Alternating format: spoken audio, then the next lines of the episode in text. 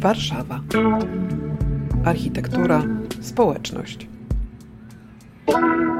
Podcasty o mieście i o mieszkańcach. Siedzisz w środku miasta, czujesz ten wiatr od wody, a do tego patrzysz sobie w zieloność, która znajduje się po drugiej stronie. No i to jest jakby unikalny widok i nie tylko mówię tutaj o Polsce, tylko myślę, że jednak możemy mówić o skali całej Europy. O bulwarach nad Wisłą myślę imprezka, niekończąca się imprezka. Myślę, że bulwary ożyły w ostatnich latach zdecydowanie. No, ale nawet czasem bywa tam tak tłumnie, że aż boję się tam przebywać. Ten brzeg Wisły, który jeszcze, jeszcze jakoś tętnił życiem w latach 60., Jerzy S. Majewski, historyk sztuki, warszawianista. no bo jeszcze ludzie chodzili się kąpać na drugą stronę Wisły. I potem wydarzyło się kilka takich rzeczy naraz, które sprawiły, że Wisła umarła. Po pierwsze, powstał Zalew Zegrzyński, więc y, ludzie już nie jeździli, żeby się opalać nad Wisłą, tylko jeździli nad zalew. Po drugie, Wisła stała się potwornie brudna. No i jeszcze jedna rzecz. Rok 1974. Myślę, że to jest data bardzo ważna w dziejach y, zagospodarowania brzegu Wisły. Otwarto wtedy Wisłostradę. Wisłostrada kompletnie odcięła Wisłę od miasta. Kompletnie. A potem już było coraz gorzej. Lata 80. to już kompletne dno, to miejsce było totalnie zapuszczone i zaniedbane. Teraz opuszczamy macierzysty port, w zasadzie jedyny miejski port w Warszawie, nasz ukochany port Czerniakowski. Jan Piotrowski, pełnomocnik prezydenta Warszawy do spraw Wisły, Zarząd Zieleni Miasta Stołecznego Warszawy. Dostaliśmy sobie klucze od Bosmana, mamy zatankowaną łódź i musimy przekroczyć bramę portową. Bardzo symboliczne i charakterystyczne miejsce, na którym jest wodowskaz. On już nie jest miarodajny, ponieważ mamy nowy wodowskaz na bulwarze, który pokazuje bardzo precyzyjnie i cyfrowo, jaki mamy stan wody i ten stan wody jest w zasadzie najważniejszy, jak wypływamy. Niestety Wisła jest, ma taki charakter deszczowo-śnieżny, więc jesteśmy uzależnieni od stanów wody. W wakacje jest to najtrudniejsze, ponieważ te wody opadają, jest bardzo ciepło, jest susza. Zresztą charakter Wisły i hydrologia rzeki przez ostatnie dziesięciolecia zmieniła się niewyobrażalnie i zmienia się każdego roku, więc co roku płynąc, zaczynając sezon, trzeba się uczyć rzeki. Więc tu mamy narysowane po prawej i po lewej stronie informacje o wodowskazie. Szczęśliwie troszeczkę popadało, więc mm, Jest na czerwonym. tak, ale to nas nie niepokoi. schowanie Wisłostrady pod ziemią, co zresztą wzbudziło początkowo ogromne emocje, niesłusznie, bo to był bardzo dobry pomysł. Schowanie do tunelu sprawiło, że, że Wisła nagle przybliżyła się do miasta i wtedy jeszcze, już e, w latach 90., wydarzyła się rzecz absolutnie kapitalna zbudowanie buwu nad Wisłą i przyjęcie projektu Budzyńskiego, który absolutnie prześcigał czas, w Polsce przynajmniej, on zupełnie zmienił to miejsce i stał się lokomotywą, która pociągnęła kolejne inwestycje. Pamiętam w zasadzie, że BUF był takim jedynym miejscem, do którego się chodziło. Agnieszka Kowalska, dziennikarka. Centrum Nauki Kopernik, też jestem wielką fanką tej architektury, bardzo mi się podoba, jak ona się tam wpisała. No ale to były takie pierwsze jaskółeczki, a tak poza tym, no to, to ja tam przyjeżdżałam dla różowych jelonków i innych szalonych projektów Będzmiany, które tam rzeczywiście tak punktowo nam pokazywały jakieś potencjały, ale właśnie były takimi delikatnymi interwencjami, co ja bardzo lubię. Lubię tak troszeczkę dłużej pobadać, e, jakby to mogło funkcjonować. Znaczy myślę, że pierwszym krokiem, takim zalążkiem było to, co się działo oddolnie tutaj nad Wisłą. Anna Brzezińska-Czerska, Zodiak, Warszawski Pawilon Architektury, współtwórczyni dzielnicy Wisła. Było takie odkrywanie oddolne, a potem, no potem trochę faktycznie trzeba było to sieciować. Też taka chyba jest rola miasta, żeby, no żeby zająć się też tą strefą inwestycyjną, ale jednocześnie to by się nie udało, gdyby charyzma wielu osób i ich takie zacięcie, tak zróbmy, to się uda, to się uda. Takie, takie poczucie, że Warszawa się musi odwrócić frontem do Wisły, że bulwary tu są takim głównym elementem, było powszechne i już przecież narastało od lat 90. właśnie takie urbanistyczne napięcie wokół Wisły. Marek Piwowarski, pełnomocnik prezydenta Warszawy do spraw zagospodarowania brzegów Wisły w latach 2007-2019, architekt krajobrazu, marynarz. Mieliśmy taką świadomość, jak zaczynaliśmy te bulwary w 2009 roku przygotowywać, nawet w 2007, że będzie tak, że my będziemy długo przygotowywać te bulwary. Po prostu dużo trudu czekało, a jednocześnie gdzieś daleki, daleki ten efekt. W 2009 ogłosiliśmy konkurs. Najpierw jeszcze przed tym konkursem poprosiliśmy Krzysztofa Domarackiego o wytyczne takie urbanistyczne, dlatego że nie było planu miejscowego w związku z tym, jak trzeba było ogłaszać konkurs, trzeba było przygotować coś na wejściu, żeby dać te warunki, co ma być zrobione i jakie są ramy tego, tego zagospodarowania. Przyszło dość sporo prac na ten, na ten konkurs. Wygrał projekt e, z Warszawy, pracownia RS Architektura Krajobrazu. Niezwykłe też zaangażowanie projektanta generalnego, czyli Patryka Zarębę, który, który musiał się nauczyć naprawdę złożonych zagadnień. Dotyczyło to wielu aspektów infrastruktury, ale też ochrony przeciwpowodziowej, właśnie regulacji wód. Nie był to łatwy proces. Mieliśmy dość wymagającego partnera, jakim był Regionalny Zarząd Gospodarki Wodnej, który nam ten projekt, jakby to powiedzieć, piłował, w sensie wygładzał nam brzegi, zróżnicowanie tej strefy brzegowej, które było zawarte w projekcie, ono tak stopniowo malało, malało, malało. Z placów czasami zrobiły się przystanki takie, powiedzmy sobie, bardziej zaznaczone symbolicznie. Musieliśmy zmieniać dwa razy hydrotechnika. No był to żmudny proces. Zaczęto realizować ten, ten bulwar wiślany w trzech etapach. I w zasadzie są to jakby dwa takie różne podejścia do, do tego, jak ten bulwar ma wyglądać. Bo pierwszy etap to jest odcinek na Podzamczu, i to był bardziej taki sztywny układ. Zresztą projektanci ci sami są. Bardziej sztywny układ związany z tym, że on był właśnie pod zamkiem. Że on nie mógł zasłaniać zamku w żaden sposób, nie powinien zasłaniać skarpy. Tutaj ten brzeg skarpy jest bardzo chroniony i ten brzeg, ten fragment bulwaru na Podzamczu, on trochę nawiązuje do tego, czym ten bulwar miał być w latach międzywojennych, właśnie na tym odcinku, bo to był pierwszy odcinek, który został zrealizowany przed wojną, nieukończony. Tam jest bardzo charakterystyczna tablica, która zawsze na mnie robi ogromne wrażenie, informująca o tym, że za takiego prezydenta, za takiego prezydenta miasta, za takiego wojewody i innych został ukończony ten fragment wybrzeża i jest data ukończenia budowy 1, 9, 4 i kropka. Po prostu ostatniej cyfry nigdy nie udało się odkuć, bo wybuchła wojna i szlak to wszystko trafił, ale e, rzeczywiście ten bulwar, bo tam był kamienny, masywny bulwar. I on taki tam charakter ma zachowany. Pamiętam na przykład piaskarzy nad Wisłą. Zofia Pokora, mieszkanka Warszawy. Zapis wspomnienia z archiwum historii mówionej. Pamiętam przystań, bo to było u wylotu bednarskiej. Były przystanie statków rzecznych i galary, które tam dopływały, te wielkie kryte takie łodzie, które przywoziły jabłka na przykład z południa, z dołu, z Sandomierza, gdzieś stamtąd, z nadwarki, to tam przywozili jabłka, przewozili cukier, przewozili ryż na przykład tamtędy wodą.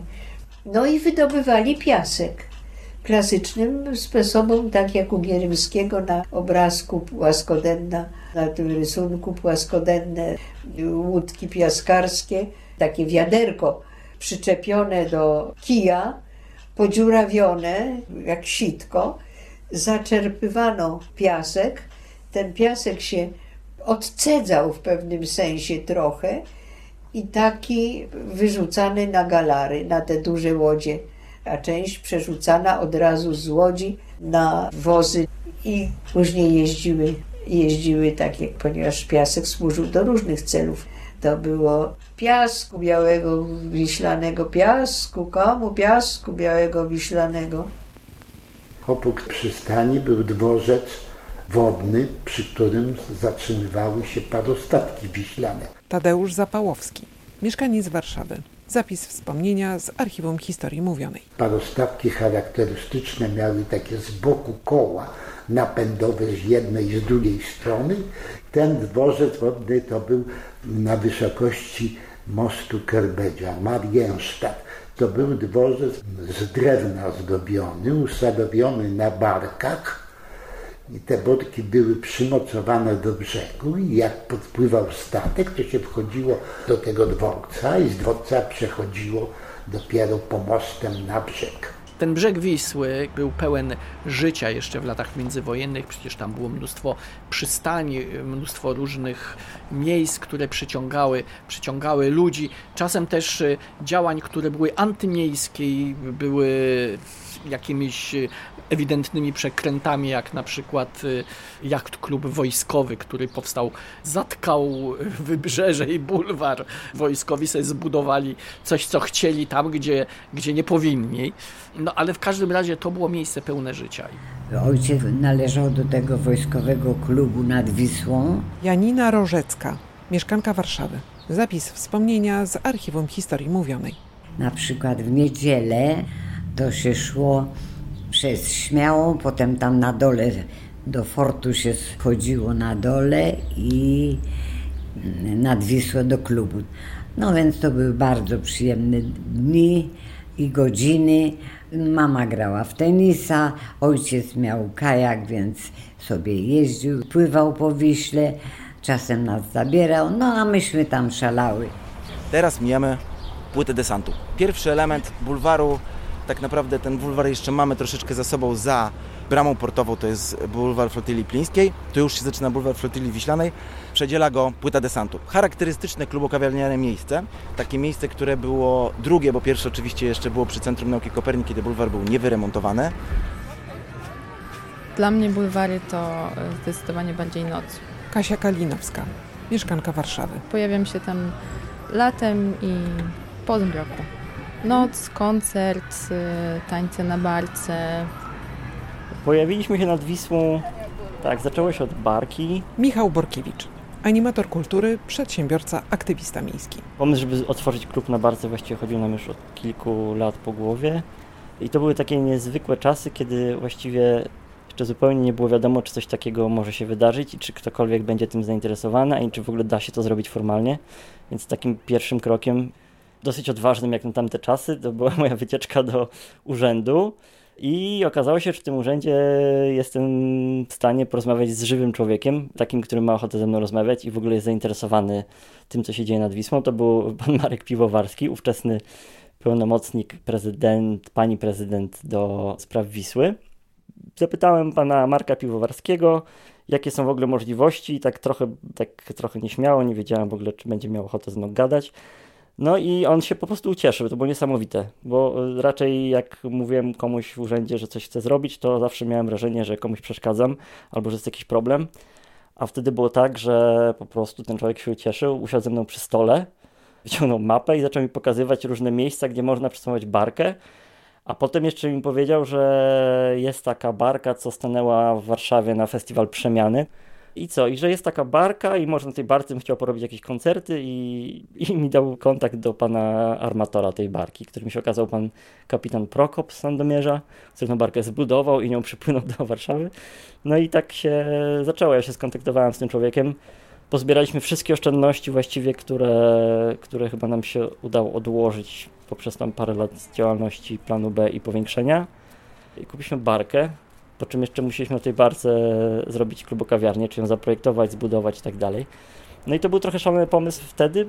Pamiętam, że jak mówiłem o tym jakimś swoim kolegom, promotorom, z którym imprezowym nawet, nie koncertowym, tylko imprezowym, z którymi pracowałem, no to mówili, stary, no ale tak nikt ci tam nie przyjdzie na tą Wisłę, no to jesteś normalny w ogóle, wiesz. No i, no i zaczęliśmy tam po prostu działać. Też prowadziliśmy taką politykę, żeby w tym czasie zapewnić jakąś ofertę, nad Wisłą i w tym kontekście działaliśmy z, z organizacjami pozarządowymi, z Fundacją będzie zmiana, ale z Fundacją Wisła, ale też i z wieloma innymi organizacjami, które wzięły udział w festiwalu Przemiany. No i też tak na początku nieśmiało, a potem coraz śmielej doprowadziliśmy infrastrukturę do brzegów, taką podstawową, elektryczną i, i wynajmowaliśmy na dzierżawę tych terenów klubokawiarniom, które działały według e, konkursów profilowanych, gdzie nie najważniejszy był czynsz, tylko program. I to się bardzo ładnie zaczęło zmieniać, rozwijać. Potem pamiętam, że zaczęły się pojawiać jakieś różne inicjatywy dookoła. Tam jakiś bar K powstał na górze, gdzie można było zjeść hamburgera. I to była taka przyczepa po kebabie, tylko było napisane barka i tam, no tak generalnie trochę innym stylu. Potem pojawił się klub Kolor Niebieski, prowadzony przez kolegów z branży klubowo-rozrywkowej. No i w tym klubie były konkretne imprezy, tak typu do 10 rano, nie? I tak sobie to po prostu tam kwitło i kwitło. Potem się pojawił jakiś autobus z jakimś multitapem. Potem, no, zaczęło być coraz więcej tego i zaczął się robić coraz większy chaos wokół nas. I pamiętam, że sami się zastanawialiśmy, w jaką to stronę pójdzie, i nie do końca nam się to wszystko podobało. Z jednej strony, oczywiście, jesteśmy za tym, żeby miasto nie przeszkadzało i nie wchrzaniało się prywatnym przedsiębiorcom, aktywistom, organizatorom, a z drugiej strony, jednak yy, doszliśmy do wniosku, że tam brakuje jakichś regulacji. No i też pojawił się problem odpowiedzialności za taką wspólną przestrzeń, bo tam byliśmy w parę miejsc takich mocno przypadkowych i bardzo różnorodnych i trochę, trochę to wyglądało na zasadzie podrzucania sobie śmieci, pilnowania tylko swojego fragmentu, nie sprzątania tego, co się dzieje wokół klubu. I, i tak żeśmy po prostu też trochę bogatsi od doświadczenia z, z działalności i w planie B, i w parku Agrykola, że jednak y, fajnie myśleć długofalowo o takich rzeczach, fajnie myśleć o tym, jak taką przestrzeń, którą jakoś tam z jednej strony odzyskujemy dla ludzi, a z drugiej strony też tam powodujemy jakąś uciążliwość dla innych, czyli czy dla mieszkańców, czy dla tych, którzy sobie rano idą pobiegać albo na spacer psem. No i tak jakoś sobie też dojrzewając i dorastając sami zaczynaliśmy zwracać coraz większą uwagę na to, żeby, żeby po prostu o to trochę zadbać, nie? Jeśli chodzi o przestrzeń bulwaru, jeszcze w czasie moich studiów na Wydziale Architektury, to było to miejsce takie bardzo spontaniczne i takie bardzo niezobowiązujące. Małgorzata Dębowska, architektka, pracownia WXCA, pomysłodawczyni mostu pieszo-rowerowego przez Wisłę. Pamiętam, że spotykaliśmy się tam już zanim była skończona pierwsza część odnowionych bulwarów, czyli taka bardzo ładna i elegancka przestrzeń.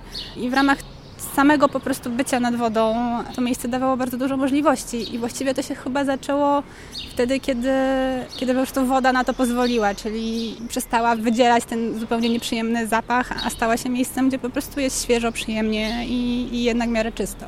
Pamiętam, że nie pamiętam, czy to był Marek Piwowarski, ale w każdym razie zarząd mienia też sobie wymyślił, że może fajnie by było oddać taką większą część bulwaru jednemu operatorowi, który po prostu będzie odpowiedzialny za to, co tam się dzieje, że nie będzie takiej sytuacji, że będzie 10 telefonów od jakiegoś mieszkańca, że po prostu jest mega głośno i się nie da spać i kilku przedsiębiorców będzie się nawzajem przerzucać odpowiedzialnością za to, który to akurat rozkręcił głośnik, albo zrobił jakąś imprezę, albo kto zostawił śmieci po sobie. No, no, mówimy o takich różnych po prostu codziennych sytuacjach, które się wydarzały. No i to był taki pierwszy, pierwszy konkurs nad Wisłą. 2015 roku. I zaprosiliśmy kilku znajomych z tej naszej branży, takiej brzydko mówiąc gastronomicznej, a tak naprawdę zaprosiliśmy tych, z którymi wydawało nam się, że mamy podobne podejście do działalności. Zawiązaliśmy konsorcjum, które nazwaliśmy konsorcjum Plac Zabaw nad Wisłą. I co prawda nie znaleźliśmy się na nowych wyremontowanych bulwarach, których jeszcze nie było, więc tak nie wyobrażaliśmy sobie tego jako miejsca super uporządkowanego, betonowego i sterylnego. Wręcz przeciwnie, chcieliśmy, żeby to miejsce żyło, żeby było atrakcyjne i nie tylko dla fanów muzyki alternatywnej i naszych znajomych, ale żeby dobrze się tam czuli też ci, którzy właśnie przychodzą w ciągu dnia na spacer, żeby tam też starsi ludzie mogli sobie posiedzieć w ciągu dnia. No i ponieważ sami sobie nałożyliśmy takie ramy, no to musieliśmy w tych ramach się jakoś odnaleźć. Dla mnie niesamowita rzecz to wyszło przy pierwszych badaniach Wisły. Były one robione w, chyba w 2016 roku, czyli po już momencie, kiedy pierwszy odcinek bulwarów był otwarty, już te zmiany były takie bardzo namacalne. I w tych badaniach wyszło, że jest bardzo duża grupa ludzi, którzy nie znają innej Wisły. Ja wtedy robiłam wielkie oczy, mówię, jak to? Jakby wy nie widzicie tej rewolucji, która tutaj właśnie zachodzi. Także to było też dla mnie niesamowite doświadczenie, że no mamy tak wiele perspektyw patrzenia na tą, na tą rzekę. Jakby z punktu widzenia tej historii budowy tych bulwarów, no to było kilka trudnych momentów, o których już się trochę nie pamięta, w tym sensie, że, że schodził nam wykonawca z budowy, była przerwa na tej budowie, taka przerwa, że, że nawet w trakcie tej w sumie krótkiej dość przerwy jednak mimo wszystko, na przykład pamiętam, że wokół studzienki, która była wykopana, a jeszcze nie zasypana i nie wybrukowana, zalęgła nam się na przykład brzegówka w piasku i potem już wykonawca musiał mijać to miejsce, musiała być zatrzymana ta budowa na tym fragmencie. Zresztą brzegówki notabene właśnie w trakcie tego remontu, ponieważ była mniejsza jakby obecność ludzi no to się zalęgły na tych bulwarach w środkowej jej części i w murze Starzyńskiego restaurowanym w szparach między kamieniami pozakładały gniazda. No te szpary zostały, także te brzegówki tam są do dzisiaj. Właściwie dzięki tej budowie, bo wcześniej ich nie było. Bardzo podoba mi się taka gliniana fasada, która jest zaprojektowana pomiędzy obserwatorium astronomicznym Kopernika a mostem. Małgorzata Kuciewicz, architektka, grupa projektowa Centrala. Jest zaprojektowana w ten sposób, że insekty, pszczoły, różne małe żyjątka mogą zamieszkiwać tą ścianę. I ona jest takim chyba dla mnie naj, najbardziej fascynującym przyrodniczo elementem tych bulwarów. Natomiast wszystkie inne takie, nie wiem, kępy, nawet czasami szuwarowe, ale wszystko inne to postrzegam jako taką zieleń wtłoczoną w jakąś infrastrukturę niepotrzebnie zbyt szczelną. I jakby no najbardziej jakby szkoda mi tego, że to nie pulsuje w rytmie rzeki, że to jest y, cały czas takie myślenie o komponowaniu tych elementów przyrodniczych w taki statyczny sposób. E, no minęliśmy Most Świętokrzyski, który też już jest symbolem Warszawy i symbolem rzeki Wisły. Ten odcinek jest całkowicie wyremontowany. Oczywiście, oczywiście część ludzi narzeka bardzo, że to jest jednak nie tak zielone, jak było poprzednio. Natomiast trzeba pamiętać o tym, że bulwar jest jednak elementem infrastruktury hydrotechnicznej, która ma zabezpieczać przeciwpowodziowo miasto, więc nie wszystko może być zielone.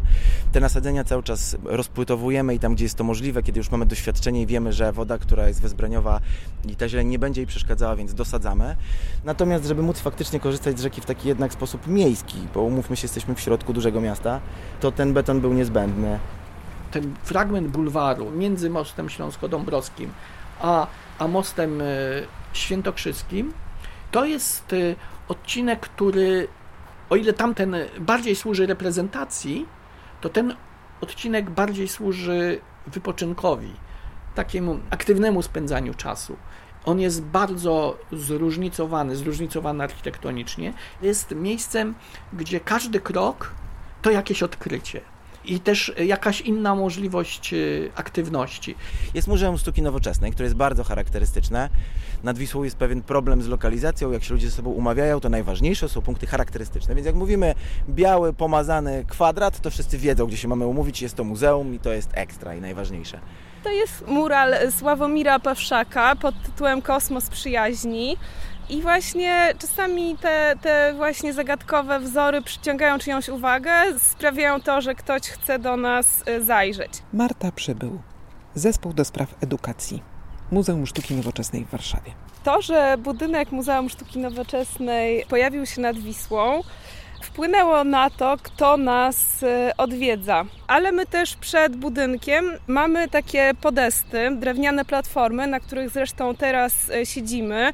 Między nimi posadzone są różne rośliny. Jest to ogród bylinowy i to też właśnie ściąga różne grupy o różnych godzinach. Na przykład y, w ciągu dnia bardzo często zatrzymują się tutaj mamy z wózkami. W godzinach wieczornych przybywa tutaj młodzież, osoby, które po pracy chcą się zrelaksować, a może niekoniecznie chcą siadać w kawiarni czy w jakiejś knajpie. No i właśnie umawiają się tutaj na tych podestach. I na przykład w piątki to jest widoczne, że takie odwiedziny muzeum to może być taki before przed imprezą. Jednym z takich głównych problemów był zakaz zabudowy stałej w strefie bezpośredniego zagrożenia powodzią. My bardzo chcieliśmy tam wprowadzić usługi. Część z nich była wprowadzona poprzez jednostki pływające. Natomiast no, pamiętam też, że, że na początku na przykład jak rozgłaszaliśmy konkurs, to jedyne co udało nam się uzgodnić z RZGW Warszawa to dosłownie kilka, tam chyba trzy strefy cumownicze, łącznie chyba z pięć miejsc cumowniczych. W końcu widzimy, że tych statków jest coraz więcej, jest e, tego ruchu na wodzie coraz więcej, to się wszystko zmienia, ale świadomość na początku była taka, że jakby nie mam możliwości zbudowania tych miejsc cumowniczych. Dzisiaj ich bardzo brakuje, dzisiaj chętnych jest znacznie więcej niż, niż miejsc cumowniczych. No i drugą kwestią była właśnie kwestia pawilonów.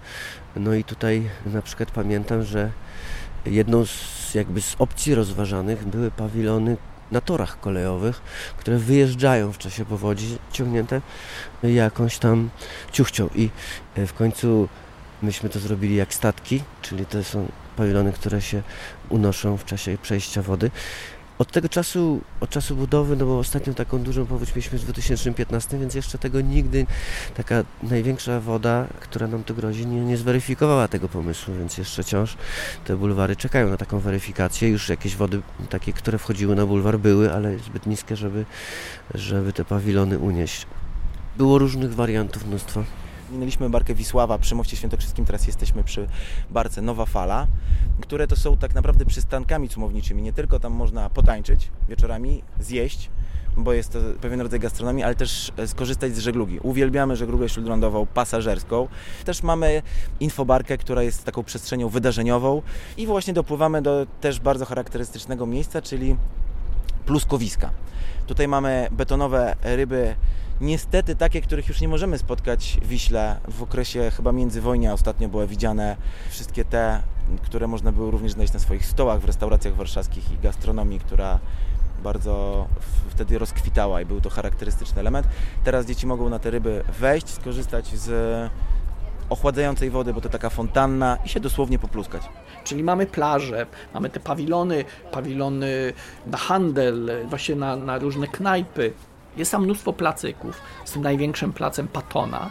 Jest różny sposób y, organizowana zieleń, czyli to jest takie miejsce bardzo, bardzo ciekawe.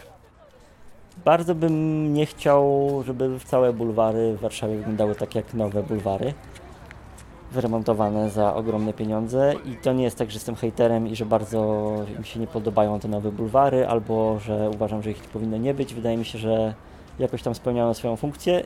Widzę tam dużo ludzi w ciągu dnia i wydają się być zadowoleni, więc, więc chyba nie do, końca, nie do końca jest źle. Nie do końca jest to też środowisko, w którym ja się czuję dobrze, bo jest tam bardzo to wszystko tak odgórnie narzucone, zorganizowane i uporządkowane, ustandaryzowane. Groziło nam to, że część, na której działamy my i jeszcze kilka innych y, klubów, kawiarni i inicjatyw, że będzie wyglądała tak samo, ale wydaje mi się, że szczęśliwie skończyła się kasa, po pierwsze, a po drugie, że też urzędnicy i pamiętam nawet takie wypowiedzi Rafała Trzaskowskiego z czasów kampanii, zaczęli doceniać to, co my tam robimy po swojemu i że to jest różnorodne i że tam się dzieje kilka razy więcej niż na tych nowych bulwarach i że każdy ma na to jakiś pomysł i że da się to też jakoś właśnie zorganizować na tyle, żeby nie zabić tego życia i tych takich wszystkich inicjatyw jak nasze. W 2017 roku e, odbył się konkurs organizowany przez Miasto Stołeczne Warszawa na obszar bulwarów na odcinku od Mostu Świętokrzyskiego na południe właściwie aż do Mostu Łazienkowskiego i nam tutaj w zespole Pracowni WXC udało się wygrać ten konkurs, z czego się bardzo cieszyliśmy i cieszymy dalej. Natomiast po jakimś takim dłuższym czasie negocjacji z miastem i po zmianie właściwie personalnej w zarządzie zieleni, jednak temat się urwał i, i miasto przerwało te działania związane w ogóle nawet z planowaniem tej części miasta we współpracy z nami przynajmniej. Nie do końca wiemy, jaki był tego powód, czy to jest taka zmiana na, na, na stałe, czy, czy miasto wróci do tego tematu, bo jednak my byśmy bardzo byli szczęśliwi, gdyby się udało faktycznie kontynuować to, to zagospodarowanie, bo też ja mam takie przekonanie, że ten potencjał nad Wisłą i w ogóle obszar nad Wisłą ma dużo większe możliwości, bo no, właściwie ciągle teraz mamy wzdłuż Wisły ogromną autostradę, która rozcina miasto i, i która no, nie pozwala wykorzystać tego terenu w jednej z najbardziej atrakcyjnych lokalizacji w mieście. Co się będzie działo z bulwarami w przyszłości? Agnieszka Kowalewska, architektka krajobrazu i urbanistka. Miejska Pracownia Planowania Przestrzennego. Oczywiście bulwary na lewym brzegu są integralną i bardzo ważną częścią przestrzeni publicznej Warszawy o charakterze stołecznym. W studium planujemy je przedłużyć. Planujemy je przedłużyć na północ aż do Cytadeli, gdzie buduje się teraz nowe muzeum i na południe do portu Czerniakowskiego. Ale to jest tylko lewy brzeg. Z prawej strony mamy zupełnie inny charakter krajobrazu. Mamy las łęgowy. Chcemy te dwa różne charaktery zachować. Ten kontrast lewego brzegu miejskiego i prawego takiego naturalnego jest właściwie jedną z wizytówek Warszawy. Na czym nam najbardziej zależy? Tak naprawdę zależy nam na zintegrowaniu obu brzegów Wisły i rozwoju funkcji śródmiejskich, centralnych również na prawym brzegu, po to, żeby to centrum Warszawy łączyło oba brzegi. I wtedy bulwary staną się razem z Doliną Wisły takim wnętrzem urbanistyczno-krajobrazowym, w którym tafla wody też może być elementem przestrzeni publicznej. Z tych bulwarów właściwie jest bardzo blisko na Pragę. Wystarczy 5-7 minut spaceru w linii prostej, żeby z tego jednego z najlepszych, najciekawszych miejsc w Warszawie dostać się do drugiego, równie ciekawego miejsca w przestrzeni stolicy. Brakuje tylko jednej, jednej ulicy właściwie i tą ulicą była właśnie kładka między Karową a Okrzej. Według planów miasta realizacja kładki ma skończyć się najpóźniej w 2024 roku. To jest dość ambitny plan, pewnie realny. Ja trzymam kciuki za to, żeby to się wydarzyło. Warszawa. Architektura, społeczność. Podcasty o mieście i o mieszkańcach. Premiera w każdy przedostatni wtorek miesiąca.